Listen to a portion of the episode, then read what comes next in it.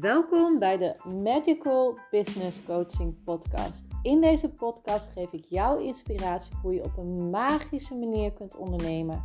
Door blokkades in je familiesysteem op te ruimen, vanuit daar je mindset opnieuw te programmeren en te ondernemen volledig vanuit je onderbewustzijn. Zodat jij gaat shinen in jouw business. Ik ben Judith Buma en ik wens jou vooral heel veel joy met het luisteren van deze podcast. Shame on you. Shame on you. Schaam je. Schaam je diep. Met andere woorden, schaam je diep voor jezelf. Welkom bij weer een nieuwe aflevering van de, ik wou zeggen, Magical Business Coaching, maar het is inmiddels de magische coaching, of business, magische business coaching. Ik heb hem uh, omgezet naar Nederlands. Dat wil niet zeggen dat het altijd uh, Nederlands blijft, blijft, want ik heb in Portugal heb ik ook ontzettend veel internationale mensen uh, geholpen. Uh, dus ehm, ja, dat dus. Nou, zoals je het waarschijnlijk, even dikke zucht, zoals je het waarschijnlijk al in de titel en in de omschrijving hebt gehoord, gaat deze aflevering over schaamte. En ik ga direct even een slokje nemen. Ik uh, ben er, nou, ik denk pak een beet anderhalf week en ik kijk gelijktijdig naar buiten en ah, ik voel ineens zoveel, ja, dit is de hak van de tak, maar het maakt me niet uit, zoveel ontroering dat ik witte sneeuw buiten zie en dan zie ik in mijn beeldscherm op de televisie zie ik ook twee witte ooievaars. En ik denk dat het ook wel een mooie metafoor is waar ik zo meteen uh, naartoe ga. Maar ik wil eerst uh, beginnen dat anderhalf week geleden ineens het thema schaamte om de hoek kwam kijken. Ik had voor mezelf de intentie gezet, of ik heb voor mezelf de intentie gezet om in 2024 meer vertrouwen en meer zelfvertrouwen te ervaren. Nou, omdat ik heel graag een keer een biotensor sessie wilde uitproberen, ook om te kijken of ik dat kan implementeren in mijn eigen bedrijf, uh, besloot ik bij iemand die ik ben gaan volgen via de podcast om een biotensor sessie te gaan volgen of te gaan doen. Zo gezegd, zo gedaan. Dus begin van, uh, van het nieuwe jaar. En ik doe toch even de televisie uit, want het leidt me toch een beetje af. Intussen tijd besloot ik dus om een biotensor sessie te gaan doen. Met als thema vertrouwen en zelfvertrouwen. En ik weet niet of je bekend bent met een biotensor. Uh, tot een half jaar geleden had ik zelf nog nooit van de biotensor überhaupt gehoord. Tijdens een business coaching traject noemde iemand wel een paar keer de biotensor. En dacht, nou ja, wat is dat? En toen kwam het eind december kwam het ook op mijn pad. En toen werd ik er toch nieuwsgierig naar, ben ik het meer gaan volgen. En toen ik op eerste kerstdag samen met uh, een van mijn schoonzusjes aan de praat raakte. En ik, ik, ik zit gewoon heel erg hoog in mijn ademhaling. Maar goed, dat is even wat het is. En daar kan ik ook schaamte voor voelen. dat ik denk van ja, jullie, dat is helemaal nergens voor nodig. Maar dat is even wat het is. Kwam zij um, met het verhaal van de biotensor dat zij, dat weet ik nog in september vorig jaar met spoed is opgenomen in het ziekenhuis. Met een forse burn-out. En het ziekenhuis gaf aan dat het, uh, te maken, dat het geestelijk te maken zou zijn. En gelukkig luisterden ze daar niet naar, want ze voelden dat dat helemaal niet het geval was. En toen via de biotensor kwam daar iets volledig anders uit. En dan kan ik niet precies navertellen wat het dan is geweest, maar um, het, uh, ja, het, het, had iets met iets anders te maken. Dus de biotensor die uh, nou, redde haar leven, dat is um, misschien een beetje heel erg ander uiterste, maar dat heeft echt een heel groot invloed gehad om te herstellen. En toen ze ook vertelde over mijn broertje, die ineens een enorme angst had. En um, ook met de biotensor dat er ook, iets uitkwam van bepaalde tekorten. En Nou, ik weet niet waar het allemaal om ging, maar ook met de biotensor opgelost en welke vitamines en mineralen ehm, hij dan nodig zou hebben. Toen werd ik dus wel, uh, was mijn interesse helemaal gewekt. Dus toen heb ik uh, begin dit jaar een biotensor sessie uh, gedaan op het thema vertrouwen en zelfvertrouwen. En toen kwam eruit dat ik iets van een voorouder ben gaan dragen. Nou, als je mij een beetje kent, dan uh, is dat iets waar ik heel veel mee bezig ben. Voorouder, transgenerationeel trauma overdragen. Um, en toen ze daaronder ging kijken van welke, welke emoties, het komt er al uit, daaronder zat, was uh, of is de emotie schaamte. En nou ja, dat was dus tijdens de sessie. Ik dacht, nou, dat zal heel goed kunnen.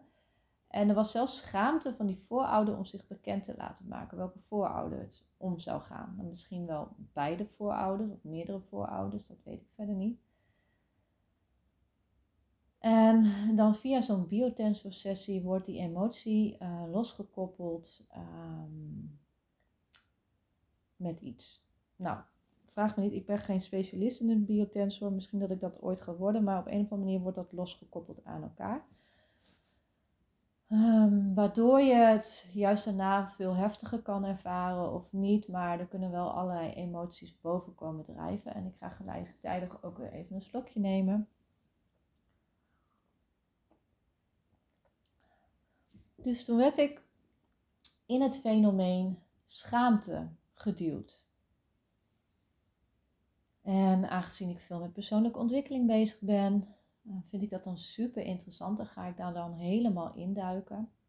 Toen kwam ik tot de conclusie dat in de vier jaar sinds mijn burn-out ik uh, sky high ben gegaan met persoonlijke ontwikkeling en enorm veel therapie heb gevolgd om een beter mens te worden, kwam ik erachter dat ik nooit had bedacht dat schaamte zo'n grote invloed op mijn leven zou hebben. Dat het er altijd wel onbewust was, maar dat ik het nooit echt kon zien voor wat het daadwerkelijk was. Dat het zo'n grote impact had op mij en heeft op mijn leven. En toen kon ik dat ook als een rode draad door mijn hele leven zien, waar ik het heel lang boosheid heb verscholen. Van ja, ik kan geen boosheid voelen en boosheid zit me in de weg. Kwam ik erachter dat dat eigenlijk de schaamte camoufleerde. En toen ging ik eens na van, ja, wat is nou de eerste echt bewuste herinnering ik van schaamte heb in mijn leven? En toen kwam ik eigenlijk terug um, in groep 5 groep 4 zou het ook geweest kunnen zijn. En kan ik me herinneren dat ik tot twee keer toe de dop van de vulpen was kwijtgeraakt. En ik weet, ja, ik denk dat het ook daarvoor die tijd heel nadrukkelijk is aangegeven van dop van de vulpen, die mag je niet kwijtraken. Dat mag niet en dan krijg je straf of nou, wat dan ook. Uh, maar toen ik er dus achter kwam dat ik het dop van die vulpen kwijtraakte, voelde ik echt intense schaamte. En de schaamte was zo groot dat ik het aan niemand durfde te vertellen. En dat ik zo erg hoopte dat mijn vulpen het bleef doen, ondanks dat ik geen dop had. Ik durfde ook niet te zeggen van ja, wie heeft misschien, want het zou ook heel goed kunnen dat het dop weer door een klasgenootje is afgepakt. Dat zou natuurlijk ook kunnen. En ik durfde het niet eens aan mijn moeder te vertellen. Ik moet zeggen dat ik heel veel dingen ook niet tegen mijn moeder durfde te zeggen, ook vanuit schaamte. En dat was eerst mijn, mijn eerste actieve herinnering.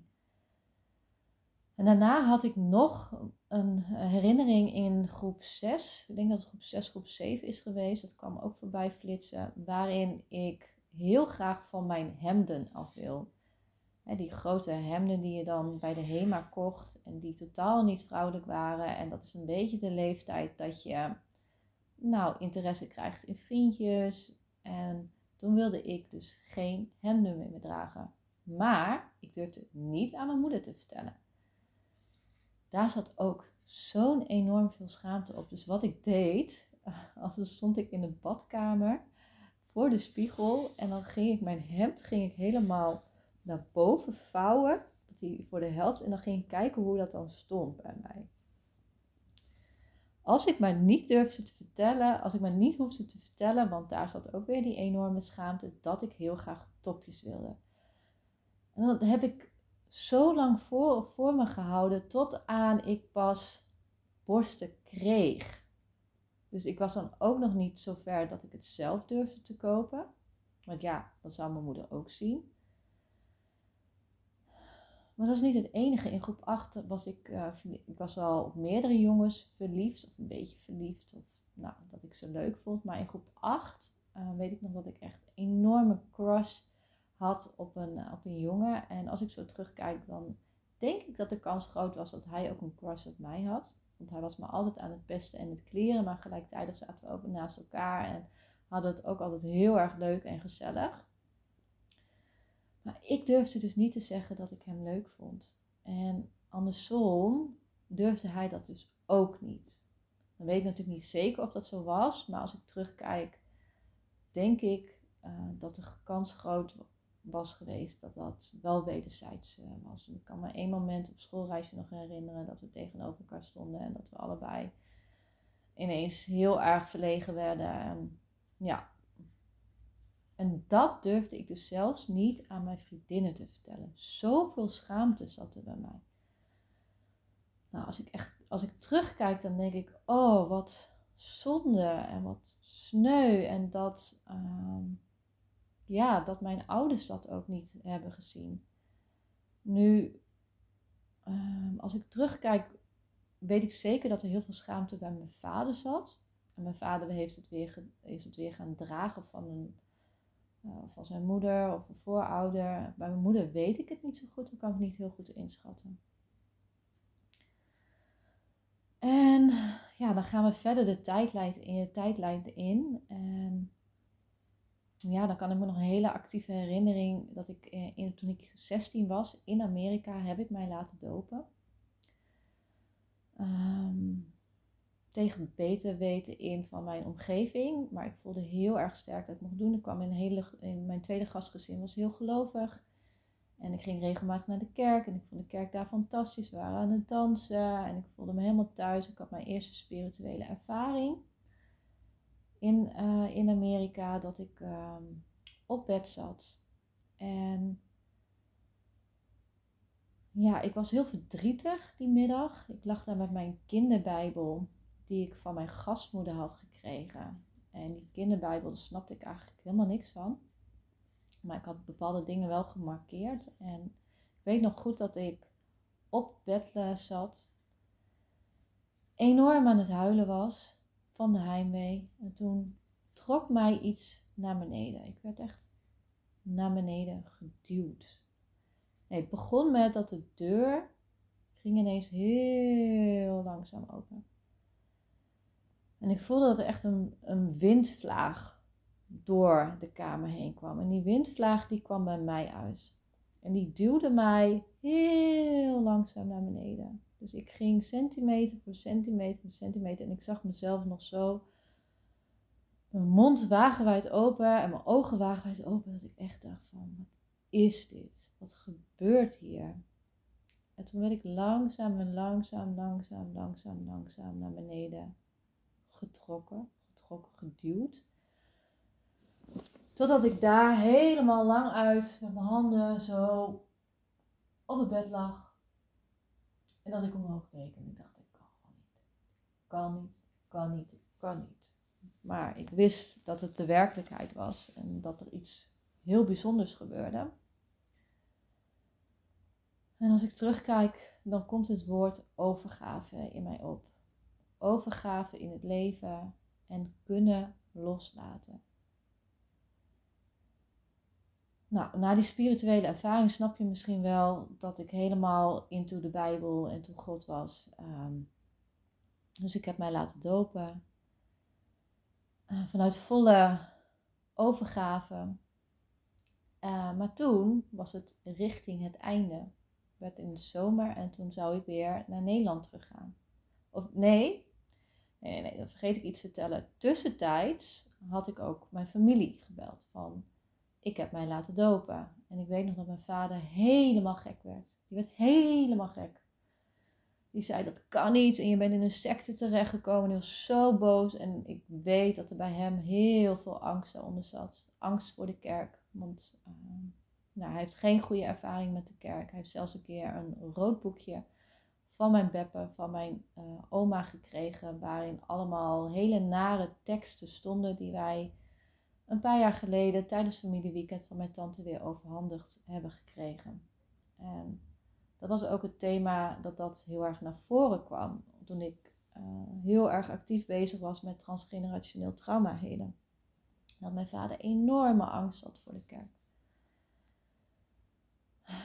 En dan gaat het natuurlijk ook weer over schaamte. Schamen dat je niet, schamen dat je niet naar de kerk gaat. De shame en guilt culture waar we in leven. Toen kwam ik dus, om een lang verhaal kort te maken, nou, een lang verhaal gaat het sowieso worden, uh, kwam ik terug in Nederland. En ik had een aantal hele mooie doopfoto's. Maar toen ik in Nederland kwam en mensen links en rechts hoorden dat ik mij had laten dopen, mijn vrienden en familie, die vonden daar wat van. Die hadden daar een enorme mening over. En die maakten mij ook belachelijk. En ik was niet zo sterk en krachtig genoeg om daartegen in te gaan. Om te zeggen van ja, het is mijn leven. Sorry dat je het niet mee eens bent. Maar ik geloof erin. Punt. Dus dat enorme schaamte bij mij. Enorme, enorme, enorme, enorme, enorme, enorme schaamte. Zo erg dat ik die foto's van mijn doop toen ik 16 jaar was heb verstopt. Dus ik heb ze niet laten zien uh, aan niemand. Omdat, omdat ik eigenlijk, omdat ik gewoon door iedereen, er was niemand die zei van, weet je, het is jouw leven, het is helemaal oké wat je hebt gedaan. Ik kom uit een niet-gelovig gezin. Mijn beide openomen zijn allemaal wel heel erg gelovig. Zijn er ook verdrietig geweest dat mijn ouders dat uh, nooit naar de kerk toe wilden. In de vrienden, familie waar ik ben opgegroeid, zit daar een taboe op. Uh, terwijl ik ook weet dat volgens mij sommige ooms en tantes vroeger nog wel naar de kerk gingen. Um, maar er kwam zoveel schaamte, zoveel, zoveel, zoveel, zoveel schaamte vrij dat ik dat heb weggestopt van het geloof is niet goed en ik moet me niet mee bezighouden. En ik heb mij helemaal in het feestgedruis gedonderd. Nou ja, gedonderd klinkt niet Ik ging vrijdag, zaterdag, zondag op stap. Vriendjes. En dat is echt een geweldige tijd geweest. Ik heb het voor geen goud willen missen. Maar ik herinner mij heel erg actief aan die schaamte. Er zijn er nog heel veel momenten van schaamte. Eigenlijk nou, in, in zoveel dingen teruggekomen. Maar waar ik de laatste tijd, als ik kijk sinds dat ik een burn-out heb gehad, schaamtevol is het meeste wanneer ik bij mijn familie ben. Dan ervaar ik die schaamte het meest. Dat is, dat is erger geworden dan het was. En toen ik dus die sessie had gehad, dacht ik van jeetje Mina, hoe kan het? Hoe kan het dat ik al vier jaar lang zo veel bezig ben met persoonlijke ontwikkeling en dat ik dit niet heb gezien van mezelf? Ik heb het wel gezien, ik wilde er niet aan. Ik wilde het niet helemaal zien. Ik liep elke keer voor die schaamte weg. Of voelde ik schaamte eng? Ja, oké. Dan ehm, eh, ga ik maar iets doen wat me geen schaamte geeft. Maar het, het had of het heeft een enorme weerslag op mijn leven. En ik weet van mezelf, ik ben een persoon die anderen volledig kan doorzien. Dat is steeds sterker en sterker geworden. Zo sterk dat ik contact met jou kan maken en precies weet waar jouw blokkade op dit moment zit in het hier en nu. En ik zie ook dat bepaalde dingen nog meer en meer ontwikkeld worden. Waaronder um, dat ik nou, afgelopen jaar ben ik dan helderhorend geworden. Dus ik krijg de woorden door. Maar ik zie ook steeds meer beelden. Ook helemaal vanuit mezelf. Maar ik denk van ja, hoe kan het dat ik dit van mezelf niet heb kunnen zien? Maar ja, dan, dan is dat natuurlijk. Dan is dat best wel algemeen, maar je ziet vaak je eigen shit, je eigen manco's zie je niet. En dan heb je iemand anders nodig om dat te kunnen zien. Anders gaat het ook langer duren. Dus toen ik dat eenmaal wist, dacht ik van, ging er echt ging er een wereld voor me open. Zag, zag ik de hele tijdlijn van alle schaamtemomenten in mijn leven. En hoe groot een weerslag dat wel op mij heeft gehad. En dat ik denk van ja, maar deze schaamte is nooit echt van mij geweest. Ik ben het gaan dragen, maar daardoor is het dus, ja, is dat wel mijn leven geworden.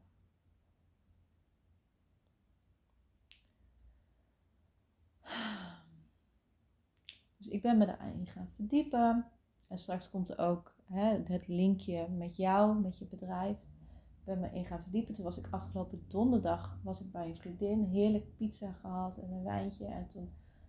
Ik ben dan ook, als ik een ontdekking heb gedaan, dan kan ik daar ook vrij makkelijk met andere mensen over praten. Afhankelijk van wie het is. Maar ik heb inmiddels wel veel mensen om me heen verzameld waarmee ik dit soort dingen heel goed kan bespreken. En toen vertelde ik ook van, ja, die schaamte, dat, dat zit gewoon als een rode draad verweven door mijn leven. En toen zei ze, oh, ik heb nog wel een boek over, uh, over schaamte.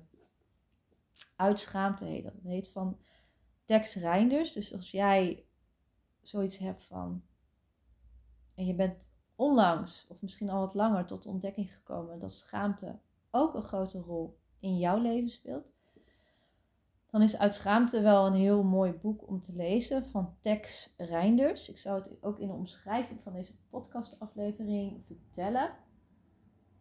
Um, zij vertelt haar eigen zoektocht en haar eigen verhaal. En dat zij ook op latere leeftijd achterkwam dat dit zo'n enorme impact had op haar leven. En ja, er zijn verschillende kopingsmechanismen Ehm, hoe, ehm, ja, hoe iemand de schaamte bedekt. Je kan je bijvoorbeeld ook enorm arrogant gaan gedragen als jij heel veel schaamte voelt. Kan je juist ehm, dat bedekken met arrogantie. Of je bent de clown van je familie. Of je bent de rebel zoals ik ben. Altijd een beetje anders, een beetje tegendraads, niet met de meute meelopen. En dat is allemaal bedekt met om die schaamte, om dat te verdoezelen. En daarbij is schaamte zo'n groot taboe onderwerp. Daar wordt bijna niet of nauwelijks over gesproken.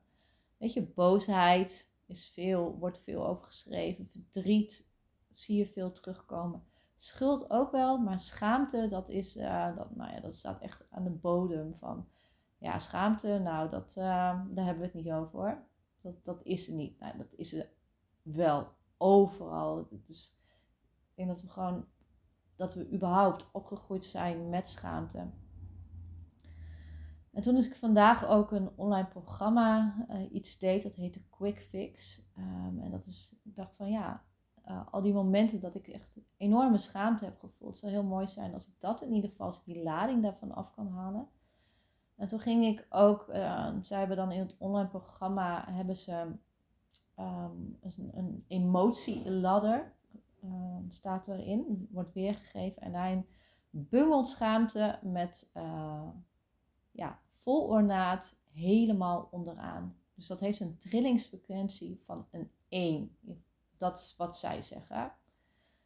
Het is, staat dus ver beneden, zelfs ver beneden angst. Want angst heeft een trillingsfrequentie van 10. Schuld heeft een trillingsfrequentie van 4. En boven angst heb je dan boosheid en verdriet zitten. Maar schaamte, dat is wel het aller, aller, aller, aller, aller, aller, allerlaagste wat, wat er maar kan zijn. En daar wordt ook het aller, aller, aller, aller, aller minst over gesproken.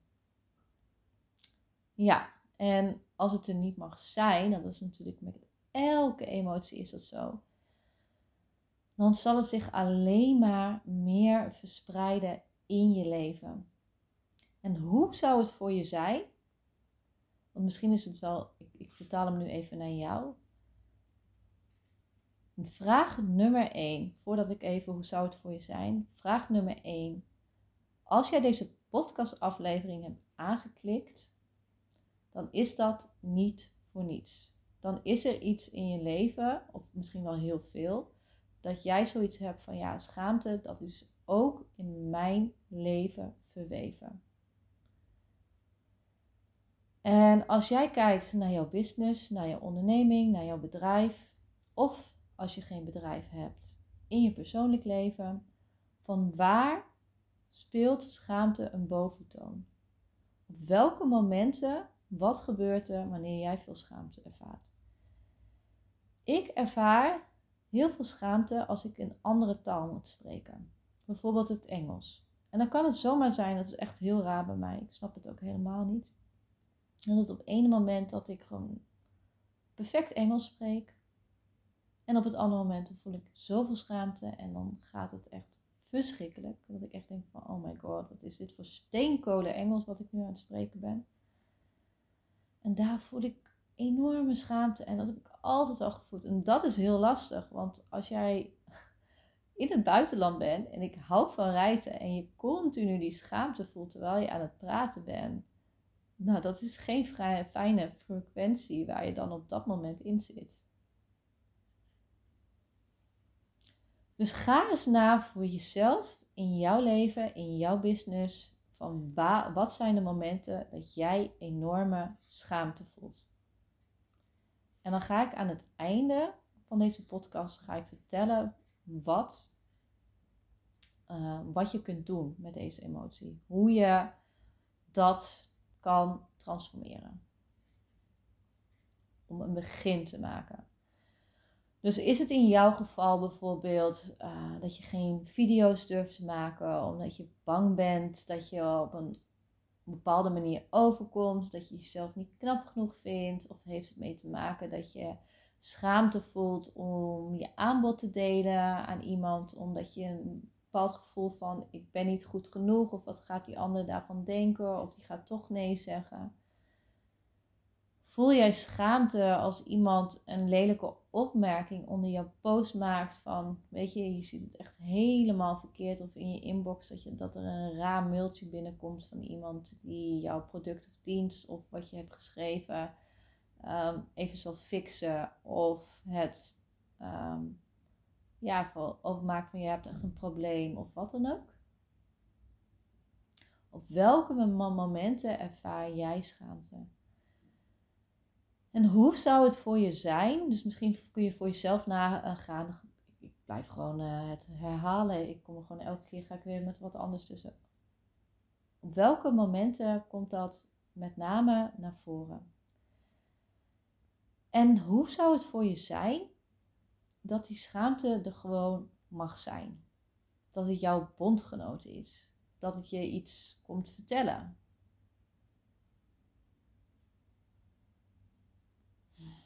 En ik voel nu, ik ga nu als een, of ik ga nu als een kanaal werken, wilde ik zeggen. Ik krijg nu bepaalde woorden door. Als schaamte er niet mag zijn, dan wordt het juist erger en erger. Probeer het jouw bondgenoot van te maken. Te knuffelen, lief te hebben. Er zachtjes tegen te praten. En ik zie het ook helemaal voor me. Stel je voor dat je schaamte in een prachtig symbool zou verweven.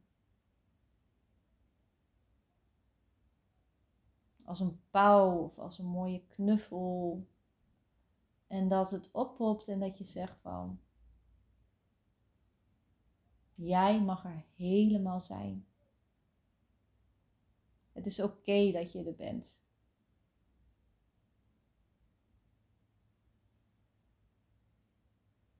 Dat je het bij wijze van spreken gewoon een eye over de bol geeft van. Ik omarm jou liefdevol. Jij bent een onderdeel van mij. En jij mag er zijn.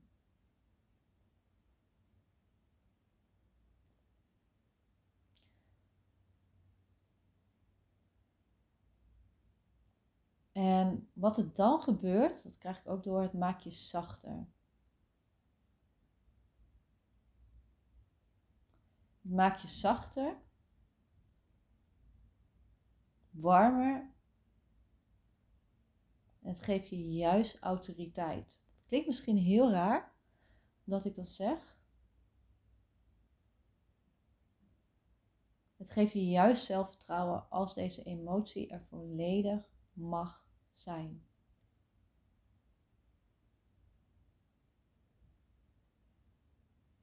Hmm.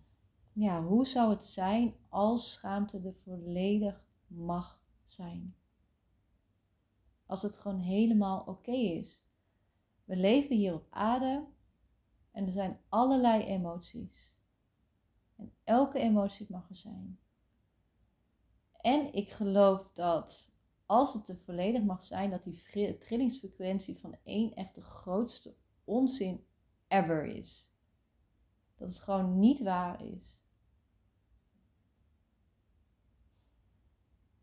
Dat het gewoon niet waar is.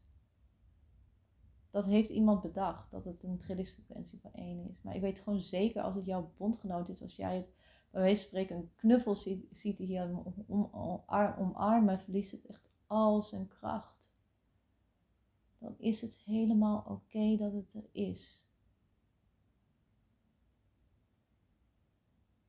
En daarnaast kun je bijvoorbeeld ook EFT doen om schaamte, om de momenten waarin jij een actieve herinnering hebt waar heel veel schaamte was, om dat te verminderen. Of bijvoorbeeld de Quick Fix methode van Vilna van Betten. Die is een online programma die ik heb gedaan. Oh. Nou, dat is lekker. Mijn microfoontje die uh, gaat er uh, af.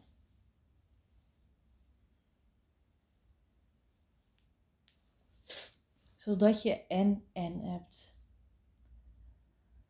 Nou, dat is mijn uh, preek over schaamte geweest ja, geweest. Dat is mijn preek over schaamte. En ehm, ja, ik hoop dat het jouw inzichten hierin heeft gegeven. En dat we het niet zo zwaar hoeven te maken dan dat het is. Het blokkeert ons alleen maar. Want als we die schaamte, ja, als we daarvan weglopen, als we het niet durven te voelen, dan gaan we uitstelgedrag vertonen. Dan gaan we dingen uitstellen. Dan gaan we maar geen video's maken of dan gaan we maar onze dienst niet verkopen of you name it. Het is zelfsabotage en het is uitstelgedrag. En als we het naar ons toe laten komen in de vorm van de knuffel, of wat ik ook, jouw symbool daarvoor, dan zeg je daartegen van, jij mag er volledig zijn, maar ik ga het toch doen. Ondanks dat ik het voel, ga ik het toch doen. Ik voel het. En als ik dus bij mijn familie schaamte voel, dan mag het er gewoon helemaal zijn. Het is van oké. En dan verliest het zijn kracht. Nou, daarmee wil ik deze podcastaflevering beëindigen. Je zou me enorm, enorm, enorm helpen om een review achter te laten voor deze aflevering. Uh, omdat dat mij helpt ehm, ja, om weer om meer gevonden te worden door andere mensen. Het liefst met vijf sterren.